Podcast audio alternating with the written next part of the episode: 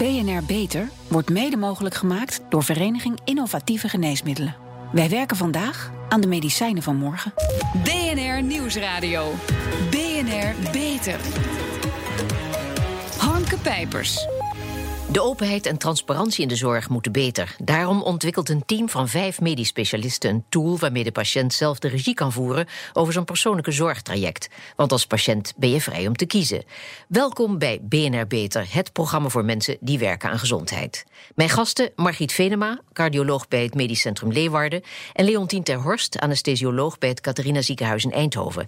Mevrouw Venema, hoe zijn jullie als vijf medisch specialisten uit vijf verschillende ziekenhuizen tot deze samenwerking gekomen? Nou, toevallig eigenlijk. We zijn elkaar tegengekomen bij een managementopleiding. Mhm. Die we allemaal vanuit uh, eigen interesse aan het voeren waren. En uh, ja, het klikte goed. En uh, het is juist heel leuk dat je vanuit verschillende vakgebieden en vanuit verschillende regio's bij elkaar komt en met zoiets bezig gaat. Ja, maar dat, dat was toch geïnspireerd, neem ik ook wel aan, door uw ervaring in het werk. Ja, hoe wij bij, uh, bij Zorg gekomen zijn, dat is er eigenlijk gekomen omdat we met elkaar in gesprek zijn gekomen van wat, wat lopen we, waar lopen we nou allemaal tegenaan, wat komen we tegen. En wat we heel erg tegenkomen is dat uh, patiënten uh, ja, toch vaak heel veel moeite hebben om informatie te vinden over waar ze het beste terecht kunnen, waar ze het snelste terecht kunnen voor hun behandelingen. Die informatie is er wel, maar die is ontzettend moeilijk te vinden. En Ja. dat, dat horen we eigenlijk dagelijks wel van patiënten. Ja, en, en dit werd een afstudeerproject, hè, heb ik begrepen. Ja, dit is eh, begonnen als een afstudeerproject. Ondertussen eh, zijn we allemaal eh, netjes afgestudeerd. en eh, hebben besloten om, ja, omdat dat het toch heel erg aansloeg bij iedereen waar we ermee over praten, om, om hiermee door te gaan, om het ja, werkelijkheid te gaan maken. Ja. Mevrouw de Horst, tijdens dit afstudeerproject hè, zag u dat de manier waarop de 30 miljoen afspraken die jaarlijks door de 85 ziekenhuizen in Nederland worden gemaakt, dat die manier wel voor verbetering vatbaar is. Wat, wat moest er precies worden verbeterd? Nou, wat, uh, wat we met name zagen uh, bij het zoeken naar uh, informatie, is dat er een schat aan informatie beschikbaar is Mhm. inmiddels. Dat komt natuurlijk ook omdat de overheid al ook hamert op transparantie. Ziekenhuizen moeten allerlei informatie ook beschikbaar stellen. Um, alleen om, uh, om daar als uh, patiënt een uh, wegwijs in te vinden, dat, dat is nog wel een heel traject. Ja. En daar kan je zo wat avonden mee verder zijn voordat je daar daadwerkelijk iets van kan maken. Ja, mevrouw Venema, u heeft ook een enquête gehouden naar de behoefte aan informatie bij de patiënten. Wat leverde die enquête op aan gegevens? Nou, uh, 79% van onze respondenten die, uh, is daadwerkelijk op zoek naar dat soort informatie en die, die heeft daar behoefte aan.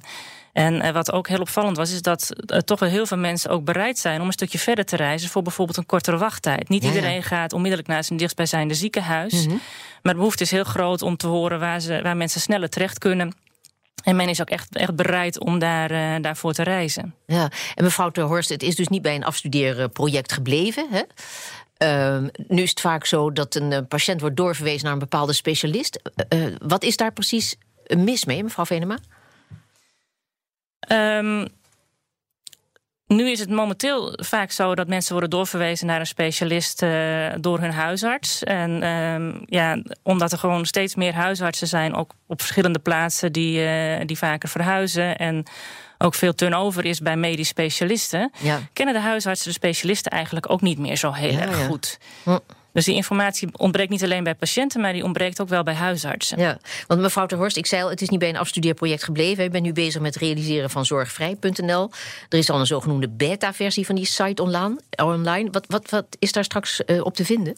Ja, wat we nu uh, eigenlijk online hebben gezet, is een, um, een tool waarmee patiënten kunnen zoeken Mhm. mm -hmm. als ze een bepaalde aandoening hebben. Hè, als ze bij de huisarts geweest zijn en ze hebben een bepaalde aandoening en worden daarvoor doorverwezen naar een ziekenhuis, Ja. dan kunnen ze op basis van uh, postcode of plaats en hun ziektebeeld zoeken uh, waar ze eigenlijk ofwel het snelst ofwel het dichtstbijzijnd uh, terecht kunnen. Ja. Dus dat is wat we nu live hebben. Ja, en ik heb begrepen dat huisartsen toch ook vaak uh, altijd weer terugvallen op uh, specialisten waar ze een relatie mee hebben en niet heel erg goed het veld kunnen overzien. Ik kan me daar ook iets bij voorstellen. Maar is die site uiteindelijk ook goed door huisartsen te gebruiken, mevrouw Terhorst? Uh, ja, dat denk ik wel. We hebben ook onder huisartsen een enquête gehouden om ook eventjes Te kijken van waar ligt bij hun uh, de interesse en vinden mm -hmm. ze dit een goed idee. Um, zij waren ook enthousiast. Um, ja, zij, zij bepalen ook op basis van of wachttijd of uh, specialiteit, uh, beschikbaarheid naar wie ze een patiënt doorverwijzen. Dus een, een mooi overzicht daarvan, dat kan hun ook juist ondersteunen. Ja. De site moet uiteindelijk een actueel overzicht bieden van de wachttijden hè, voor een bepaalde behandeling of specialisme in een Nederlandse ziekenhuizen en klinieken. Maar patiënten kunnen dat in principe nu toch al uitzoeken, mevrouw Terhorst. Dat klopt. Patiënten kunnen dat nu ook zelf uitzoeken. Hè. De, Wat zoals gezegd, de ziekenhuizen zijn verplicht om hun wachttijden ook uh, te publiceren. Ja. Uh, het is alleen ontzettend tijdrovend. En uh, wat wij eigenlijk willen doen, is het op een simpele manier voor een uh, patiënt onder elkaar zetten. Zodat ze wat makkelijker die informatie tot zich kunnen nemen. En ja. daadwerkelijk dan een keuze kunnen maken. Ja, informatie over de kwaliteit van ziekenhuizen en het personeel is en was al online te vinden. Hè. Bijvoorbeeld de jaarlijkse lijst van het AD en Elsevier of de website zorgkaart.nl. Wat maakt uw platform nou heel anders, mevrouw Venema? Dat niet dat het één keer per jaar verschijnt, dat platform. Het is dus het hele jaar door. Dat lijkt me al een belangrijk punt. Maar ja, wat, uh, wat het voor ons vooral anders maakt, is dat wij dit ontwikkelen samen met patiënten. Ja. Je ziet heel vaak dat er over patiënten wordt gesproken, niet met patiënten, over waar patiënten nou eigenlijk behoefte aan hebben.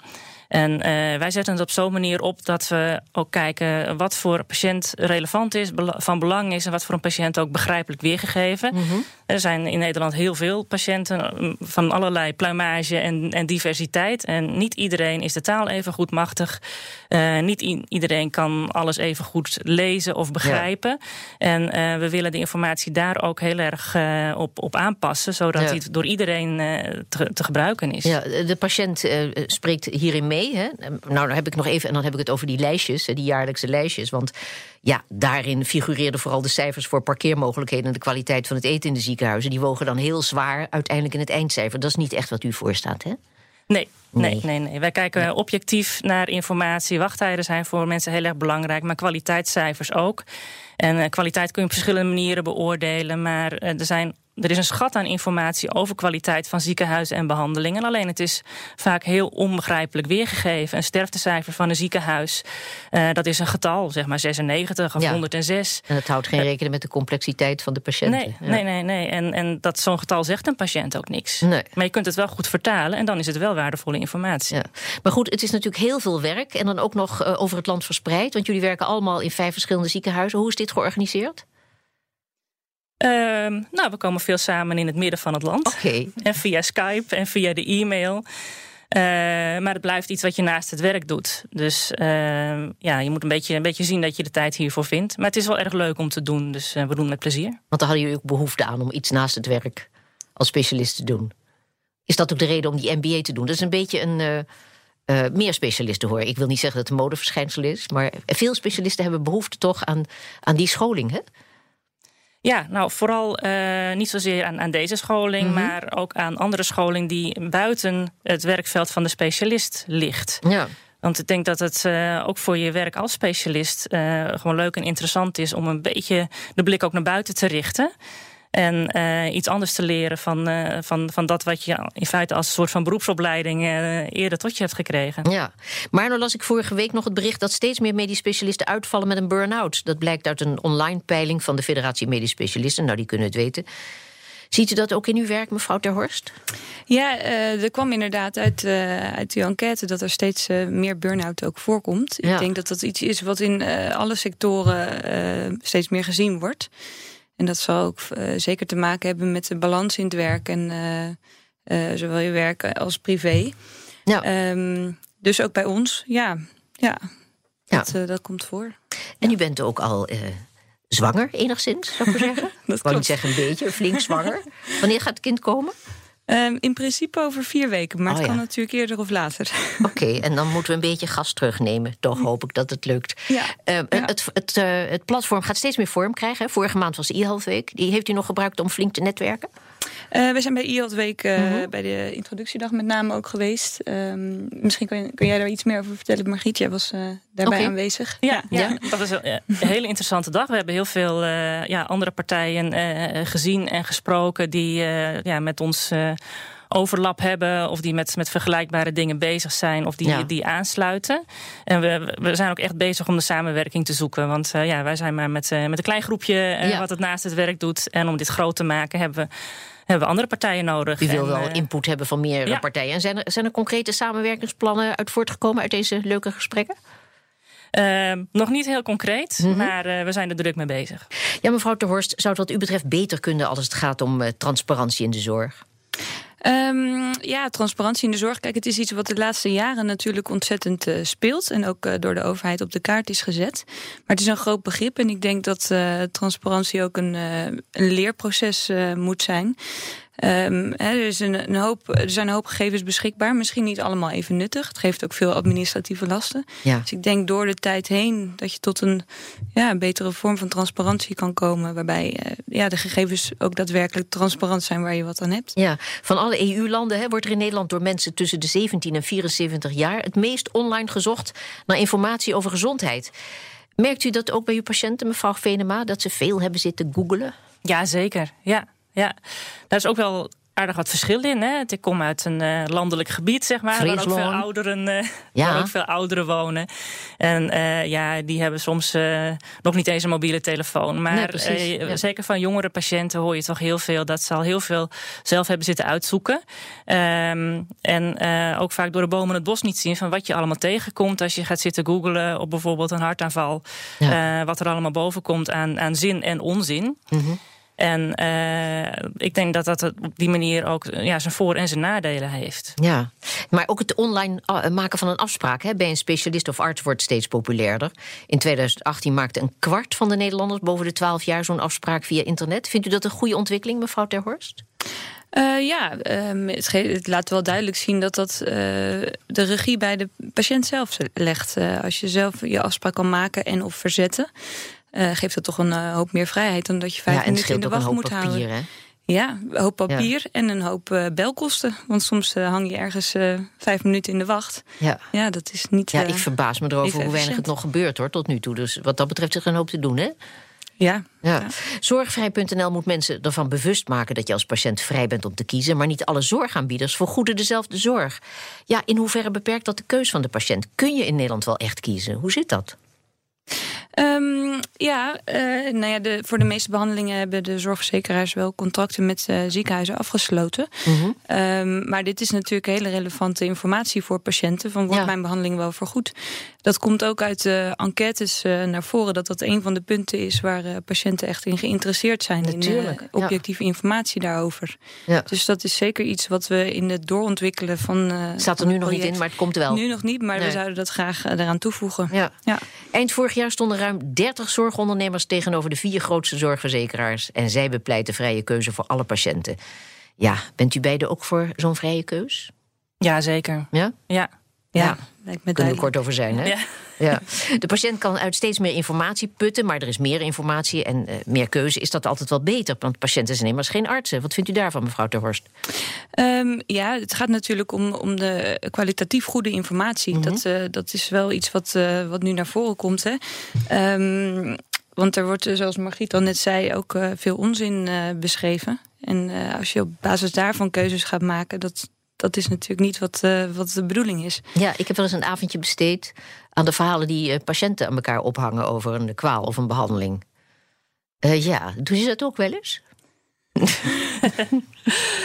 Ja, natuurlijk. Je komt, je komt wel eens wat, uh, wat, wat tegen. Je kijkt eh, zelf ook wel, uh, wel op het internet. en het is natuurlijk heel goed voor, voor mensen om ook ervaringen met elkaar te delen. En, ja. en wat dat betreft is lotgenotencontact ook heel nuttig. Nee, je geeft er meteen hele positieve woorden bij. Ja, ja, ja. maar, allemaal waar. maar er zit natuurlijk inderdaad ook ja, de, de mensen die zich het meest bezighouden met veel communiceren over hun zorgprobleem zijn meestal de mensen die er ook het meeste last van hebben. Ja. En dat geeft vaak toch een, ja, toch misschien een wat te pessimistisch beeld van, ja. uh, van, van een ziekte of een behandeling. En ja, je, je, je, kan je er ontzettend veel zorgen gaan maken als je uh, gaat googlen en uh, ja. sommige verhalen leest. Maar doe je jezelf nou tekort als je geen second opinion vraagt bijvoorbeeld... of als je geen vergelijking maakt tussen verzekeraars, therapieën en ziekenhuizen, mevrouw Venema? Niet altijd, mm -hmm. niet altijd. Um... Nee, maar dan klinkt het een beetje als dan heb je geluk. ja. Kijk, de zorg in Nederland staat natuurlijk op hoog niveau. Wij bieden uh, kwalitatief hele goede zorg. Ja. En uh, je komt uh, ja, binnen de reguliere geneeskunde, denk ik, nergens echt bij, bij hele slechte zorg of hele slechte dokters terecht. Ja. Maar ja, er zijn toch zeker wel, wel verschillen. Er zijn bijvoorbeeld ook hele grote verschillen in, in wachttijden. Een, een, vriend van ons die, die, die had een liesbreuk, moest een liesbreukoperatie. Dichtbijzijnde ziekenhuis kon mhm. dat binnen drie maanden beetje avondje googelen en binnen een week kon hij ergens anders terecht. Moest hij 100 kilometer voor rijden, maar daar is hij alleen maar blij mee. Dus het is hartstikke nuttig aan te raden. U bent niet voor niets bezig. Ja. Inderdaad. Ja, maar de patiënt heeft ondertussen maar druk mee. Want ja, je moet er toch ook eh, vanuit kunnen gaan dat uh, als je bejaard bent... Je, je zit niet met je hoofd op in internet te kijken... dat je waar dan ook in het land goede zorg zult krijgen, mevrouw Terhorst. Ja, dat klopt. Um, en uh, wat je ziet en wat ook blijkt, uit die enquêtes... is dat nu nog heel veel mensen natuurlijk afgaan op uh, advies van de huisarts. En die, uh, ja, die heeft ook informatie over wachttijden en, en kwaliteit natuurlijk. Dus um, dat is hoe het nu gaat. Maar wat wij graag willen is dat we juist de patiënt wat meer in die rol kunnen zetten. Mocht hij dat willen. De, de, de, de, overheid ondersteunt de trend hè, van steeds meer eigen regie voor de patiënt. Probeert de zorg transparanter te maken en goedkoper, zeggen we erbij. Zo moet in 2020 iedere patiënt zijn eigen medisch dossier kunnen inzien. Denkt u dat veel mensen hiervan gebruik zullen willen maken, mevrouw Venema? Ook in uh, Friesland met zijn krimpgebieden. um, nou, in, in mijn ziekenhuis kan dat al uh, ingezien worden. Ja? Um, via een, uh, via een, een app. Uh, kunnen mensen zelf uh, bij hun gegevens. Um, daar wordt gebruik van gemaakt. Um, maar inderdaad, je ziet ook wel dat uh, dat, dat vrij groot gedeelte van de, uh, ja, van de vooral wat oudere uh, mensen in ons gebied zeggen van nou heb ik eigenlijk geen belangstelling voor. De ah, mensen ah, ja. die, die het wel graag willen zien, um, die komen toch wel vaak met vragen. Want onze dossiervorming is niet bedoeld als communicatie richting de patiënt. Dat staat stikvol jargon ja. en afkortingen. En ja. uh, vaak kan ik het van uh, andere specialismen al met, met, wat moeite, met wat moeite lezen. Oh, dat is troostrijk om te horen. Maar het, het wordt er niet duidelijker op, zou ik maar zeggen. Er is ook niet zoveel aan te doen. Misschien moet er nog een soort vertaalslag worden gemaakt. Dat dat dossier ook nog eens in begrijpelijk... Er komt nog meer werk aan, met andere woorden.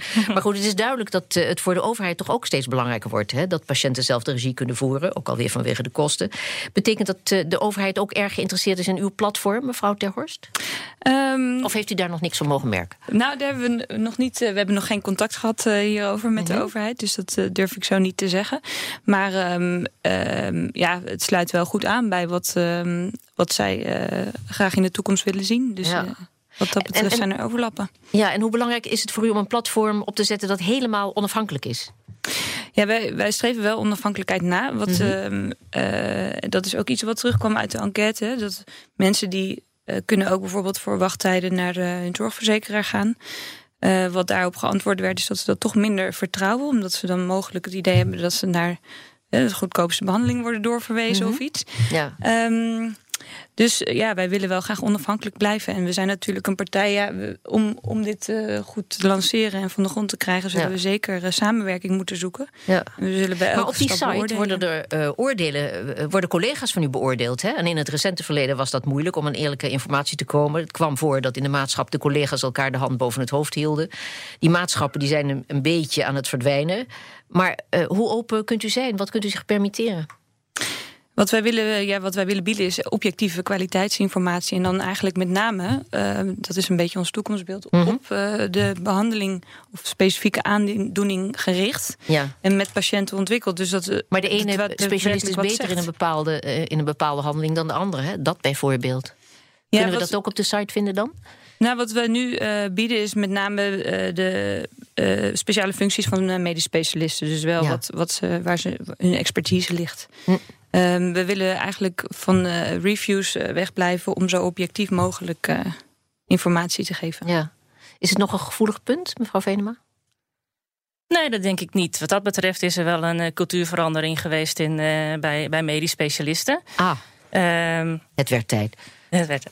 nee, we zijn, we zijn, wat dat betreft zijn we kwaliteitsgericht en zijn mm -hmm. er ook heel veel kwaliteitssystemen in ziekenhuizen. Uh, het is vaak erg lastig om uh, kwaliteit van een bepaalde behandeling, van een bepaalde operatie tussen specialisten te vergelijken. Omdat specialisten ook weer zijn subgespecialiseerd. En sommige mensen doen nou eenmaal de moeilijke gevallen. Ja. En het is wat oneerlijk om dan te gaan zitten vergelijken op, uh, op uitkomstcijfers. Ja. Dus daar, Niet alleen oneerlijk, maar ook heel moeilijk. Ja. ja. Dus wat dat betreft is het een veelomvattende klus. Is het uiteindelijk de bedoeling dat u iets aan de website gaat verdienen? Ik geloof het wel, hè? Want nou, het is tot op heden nog niet het geval. Dat is tot op heden zeker niet het geval. uh, wat wij willen is dat we in ieder geval het platform gratis kunnen uh, laten gebruiken door uh, patiënten. Ja. Um, en het moet zo zijn dat, dat het kan blijven voortbestaan. En dat is voor nu de insteek. Ja. En uh, ja, voor de toekomst. Nou, ik, ik wens u in, in, in wederzijds belang daar heel veel succes mee. En hartelijk dank Margriet Venema en Leontien Terhorst. Pioniers in de zorg. Onze zorgredactie speurt naar interessante medische innovaties binnen en buiten de muren van de universiteit. Waar werken ze aan en wat moeten wij hierover weten? Esther Jansen, het gaat vandaag over Parkinson. Vertel. Ja, want er komen steeds meer Parkinson-patiënten bij in Nederland. Uh, wetenschappers waarschuwen voor een heuse Parkinson-pandemie. En het RIVM verwacht dat het aantal Nederlandse Parkinson-patiënten de komende decennia met 71% zal stijgen. En die toename komt voornamelijk natuurlijk door de, nou, door vergrijzing van de bevolking. En er zijn op dit moment nog geen manieren om de ziekte te genezen. Maar er wordt al wel veel onderzoek gedaan naar manieren om de ziekte beter te behandelen. Ah ja, en, en zijn dat dan vooral onderzoeken om mensen beter te kunnen laten bewegen? Ja, de meeste mensen kennen Parkinson natuurlijk vooral als bewegingsstoornis. Ik zie ook zelf dat, nou ja, dat trillen natuurlijk meteen mhm. voor je van de, van de handen en andere ledematen. Maar bij de ziekte horen vaak ook nog allemaal andere klachten.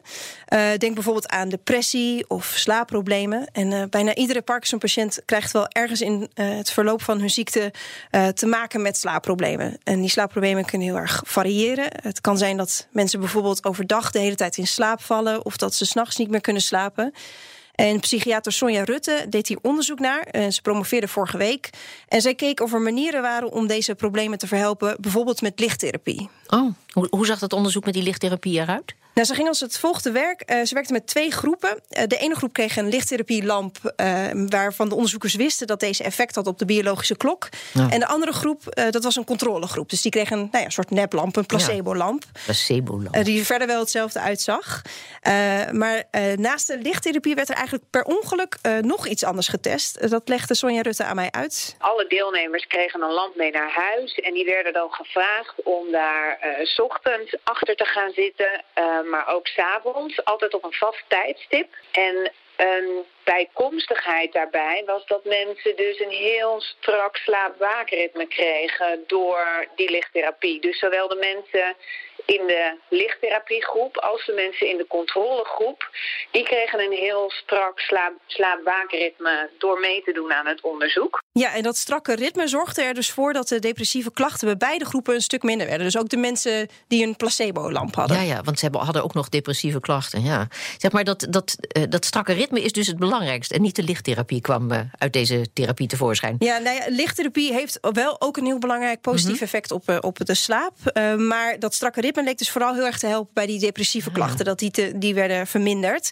Dat is in ieder geval nu wat, uh, wat leek uit dat onderzoek naar voren te komen. Uh, het is nog wel een vermoeden. En om het zeker te weten moet er meer onderzoek worden gedaan. Oh ja, dus Sonja Rutte krijgt de druk. Die gaat vervolgonderzoek doen. Ja, ja ze staat te popelen om, om dat onderzoek te, te gaan doen. Maar daarvoor is wel financiering nodig. Dus als er mensen daarvoor zich willen melden... kunnen ze mailen naar s.rutten.vumc.nl. Oké, okay, dus geldschieters mogen zich melden. Ja, s.rutten.vumc.nl. Yes. Mooi. Esther Jansen, dankjewel. En tot zover deze uitzending van BNR Beter. Op bnr.nl slash beter is deze uitzending terug te luisteren... of on demand via de BNR-app, Spotify of iTunes. En we zijn ook op Twitter te vinden onder BNR. Dus heeft u tips voor ons, laat het ons weten. Het BNR Beter. Hè? Ik ben Harmke Pijpers. Tot een volgend spreekuur. BNR Beter wordt mede mogelijk gemaakt door Vereniging Innovatieve Geneesmiddelen. Wij werken vandaag aan de medicijnen van morgen.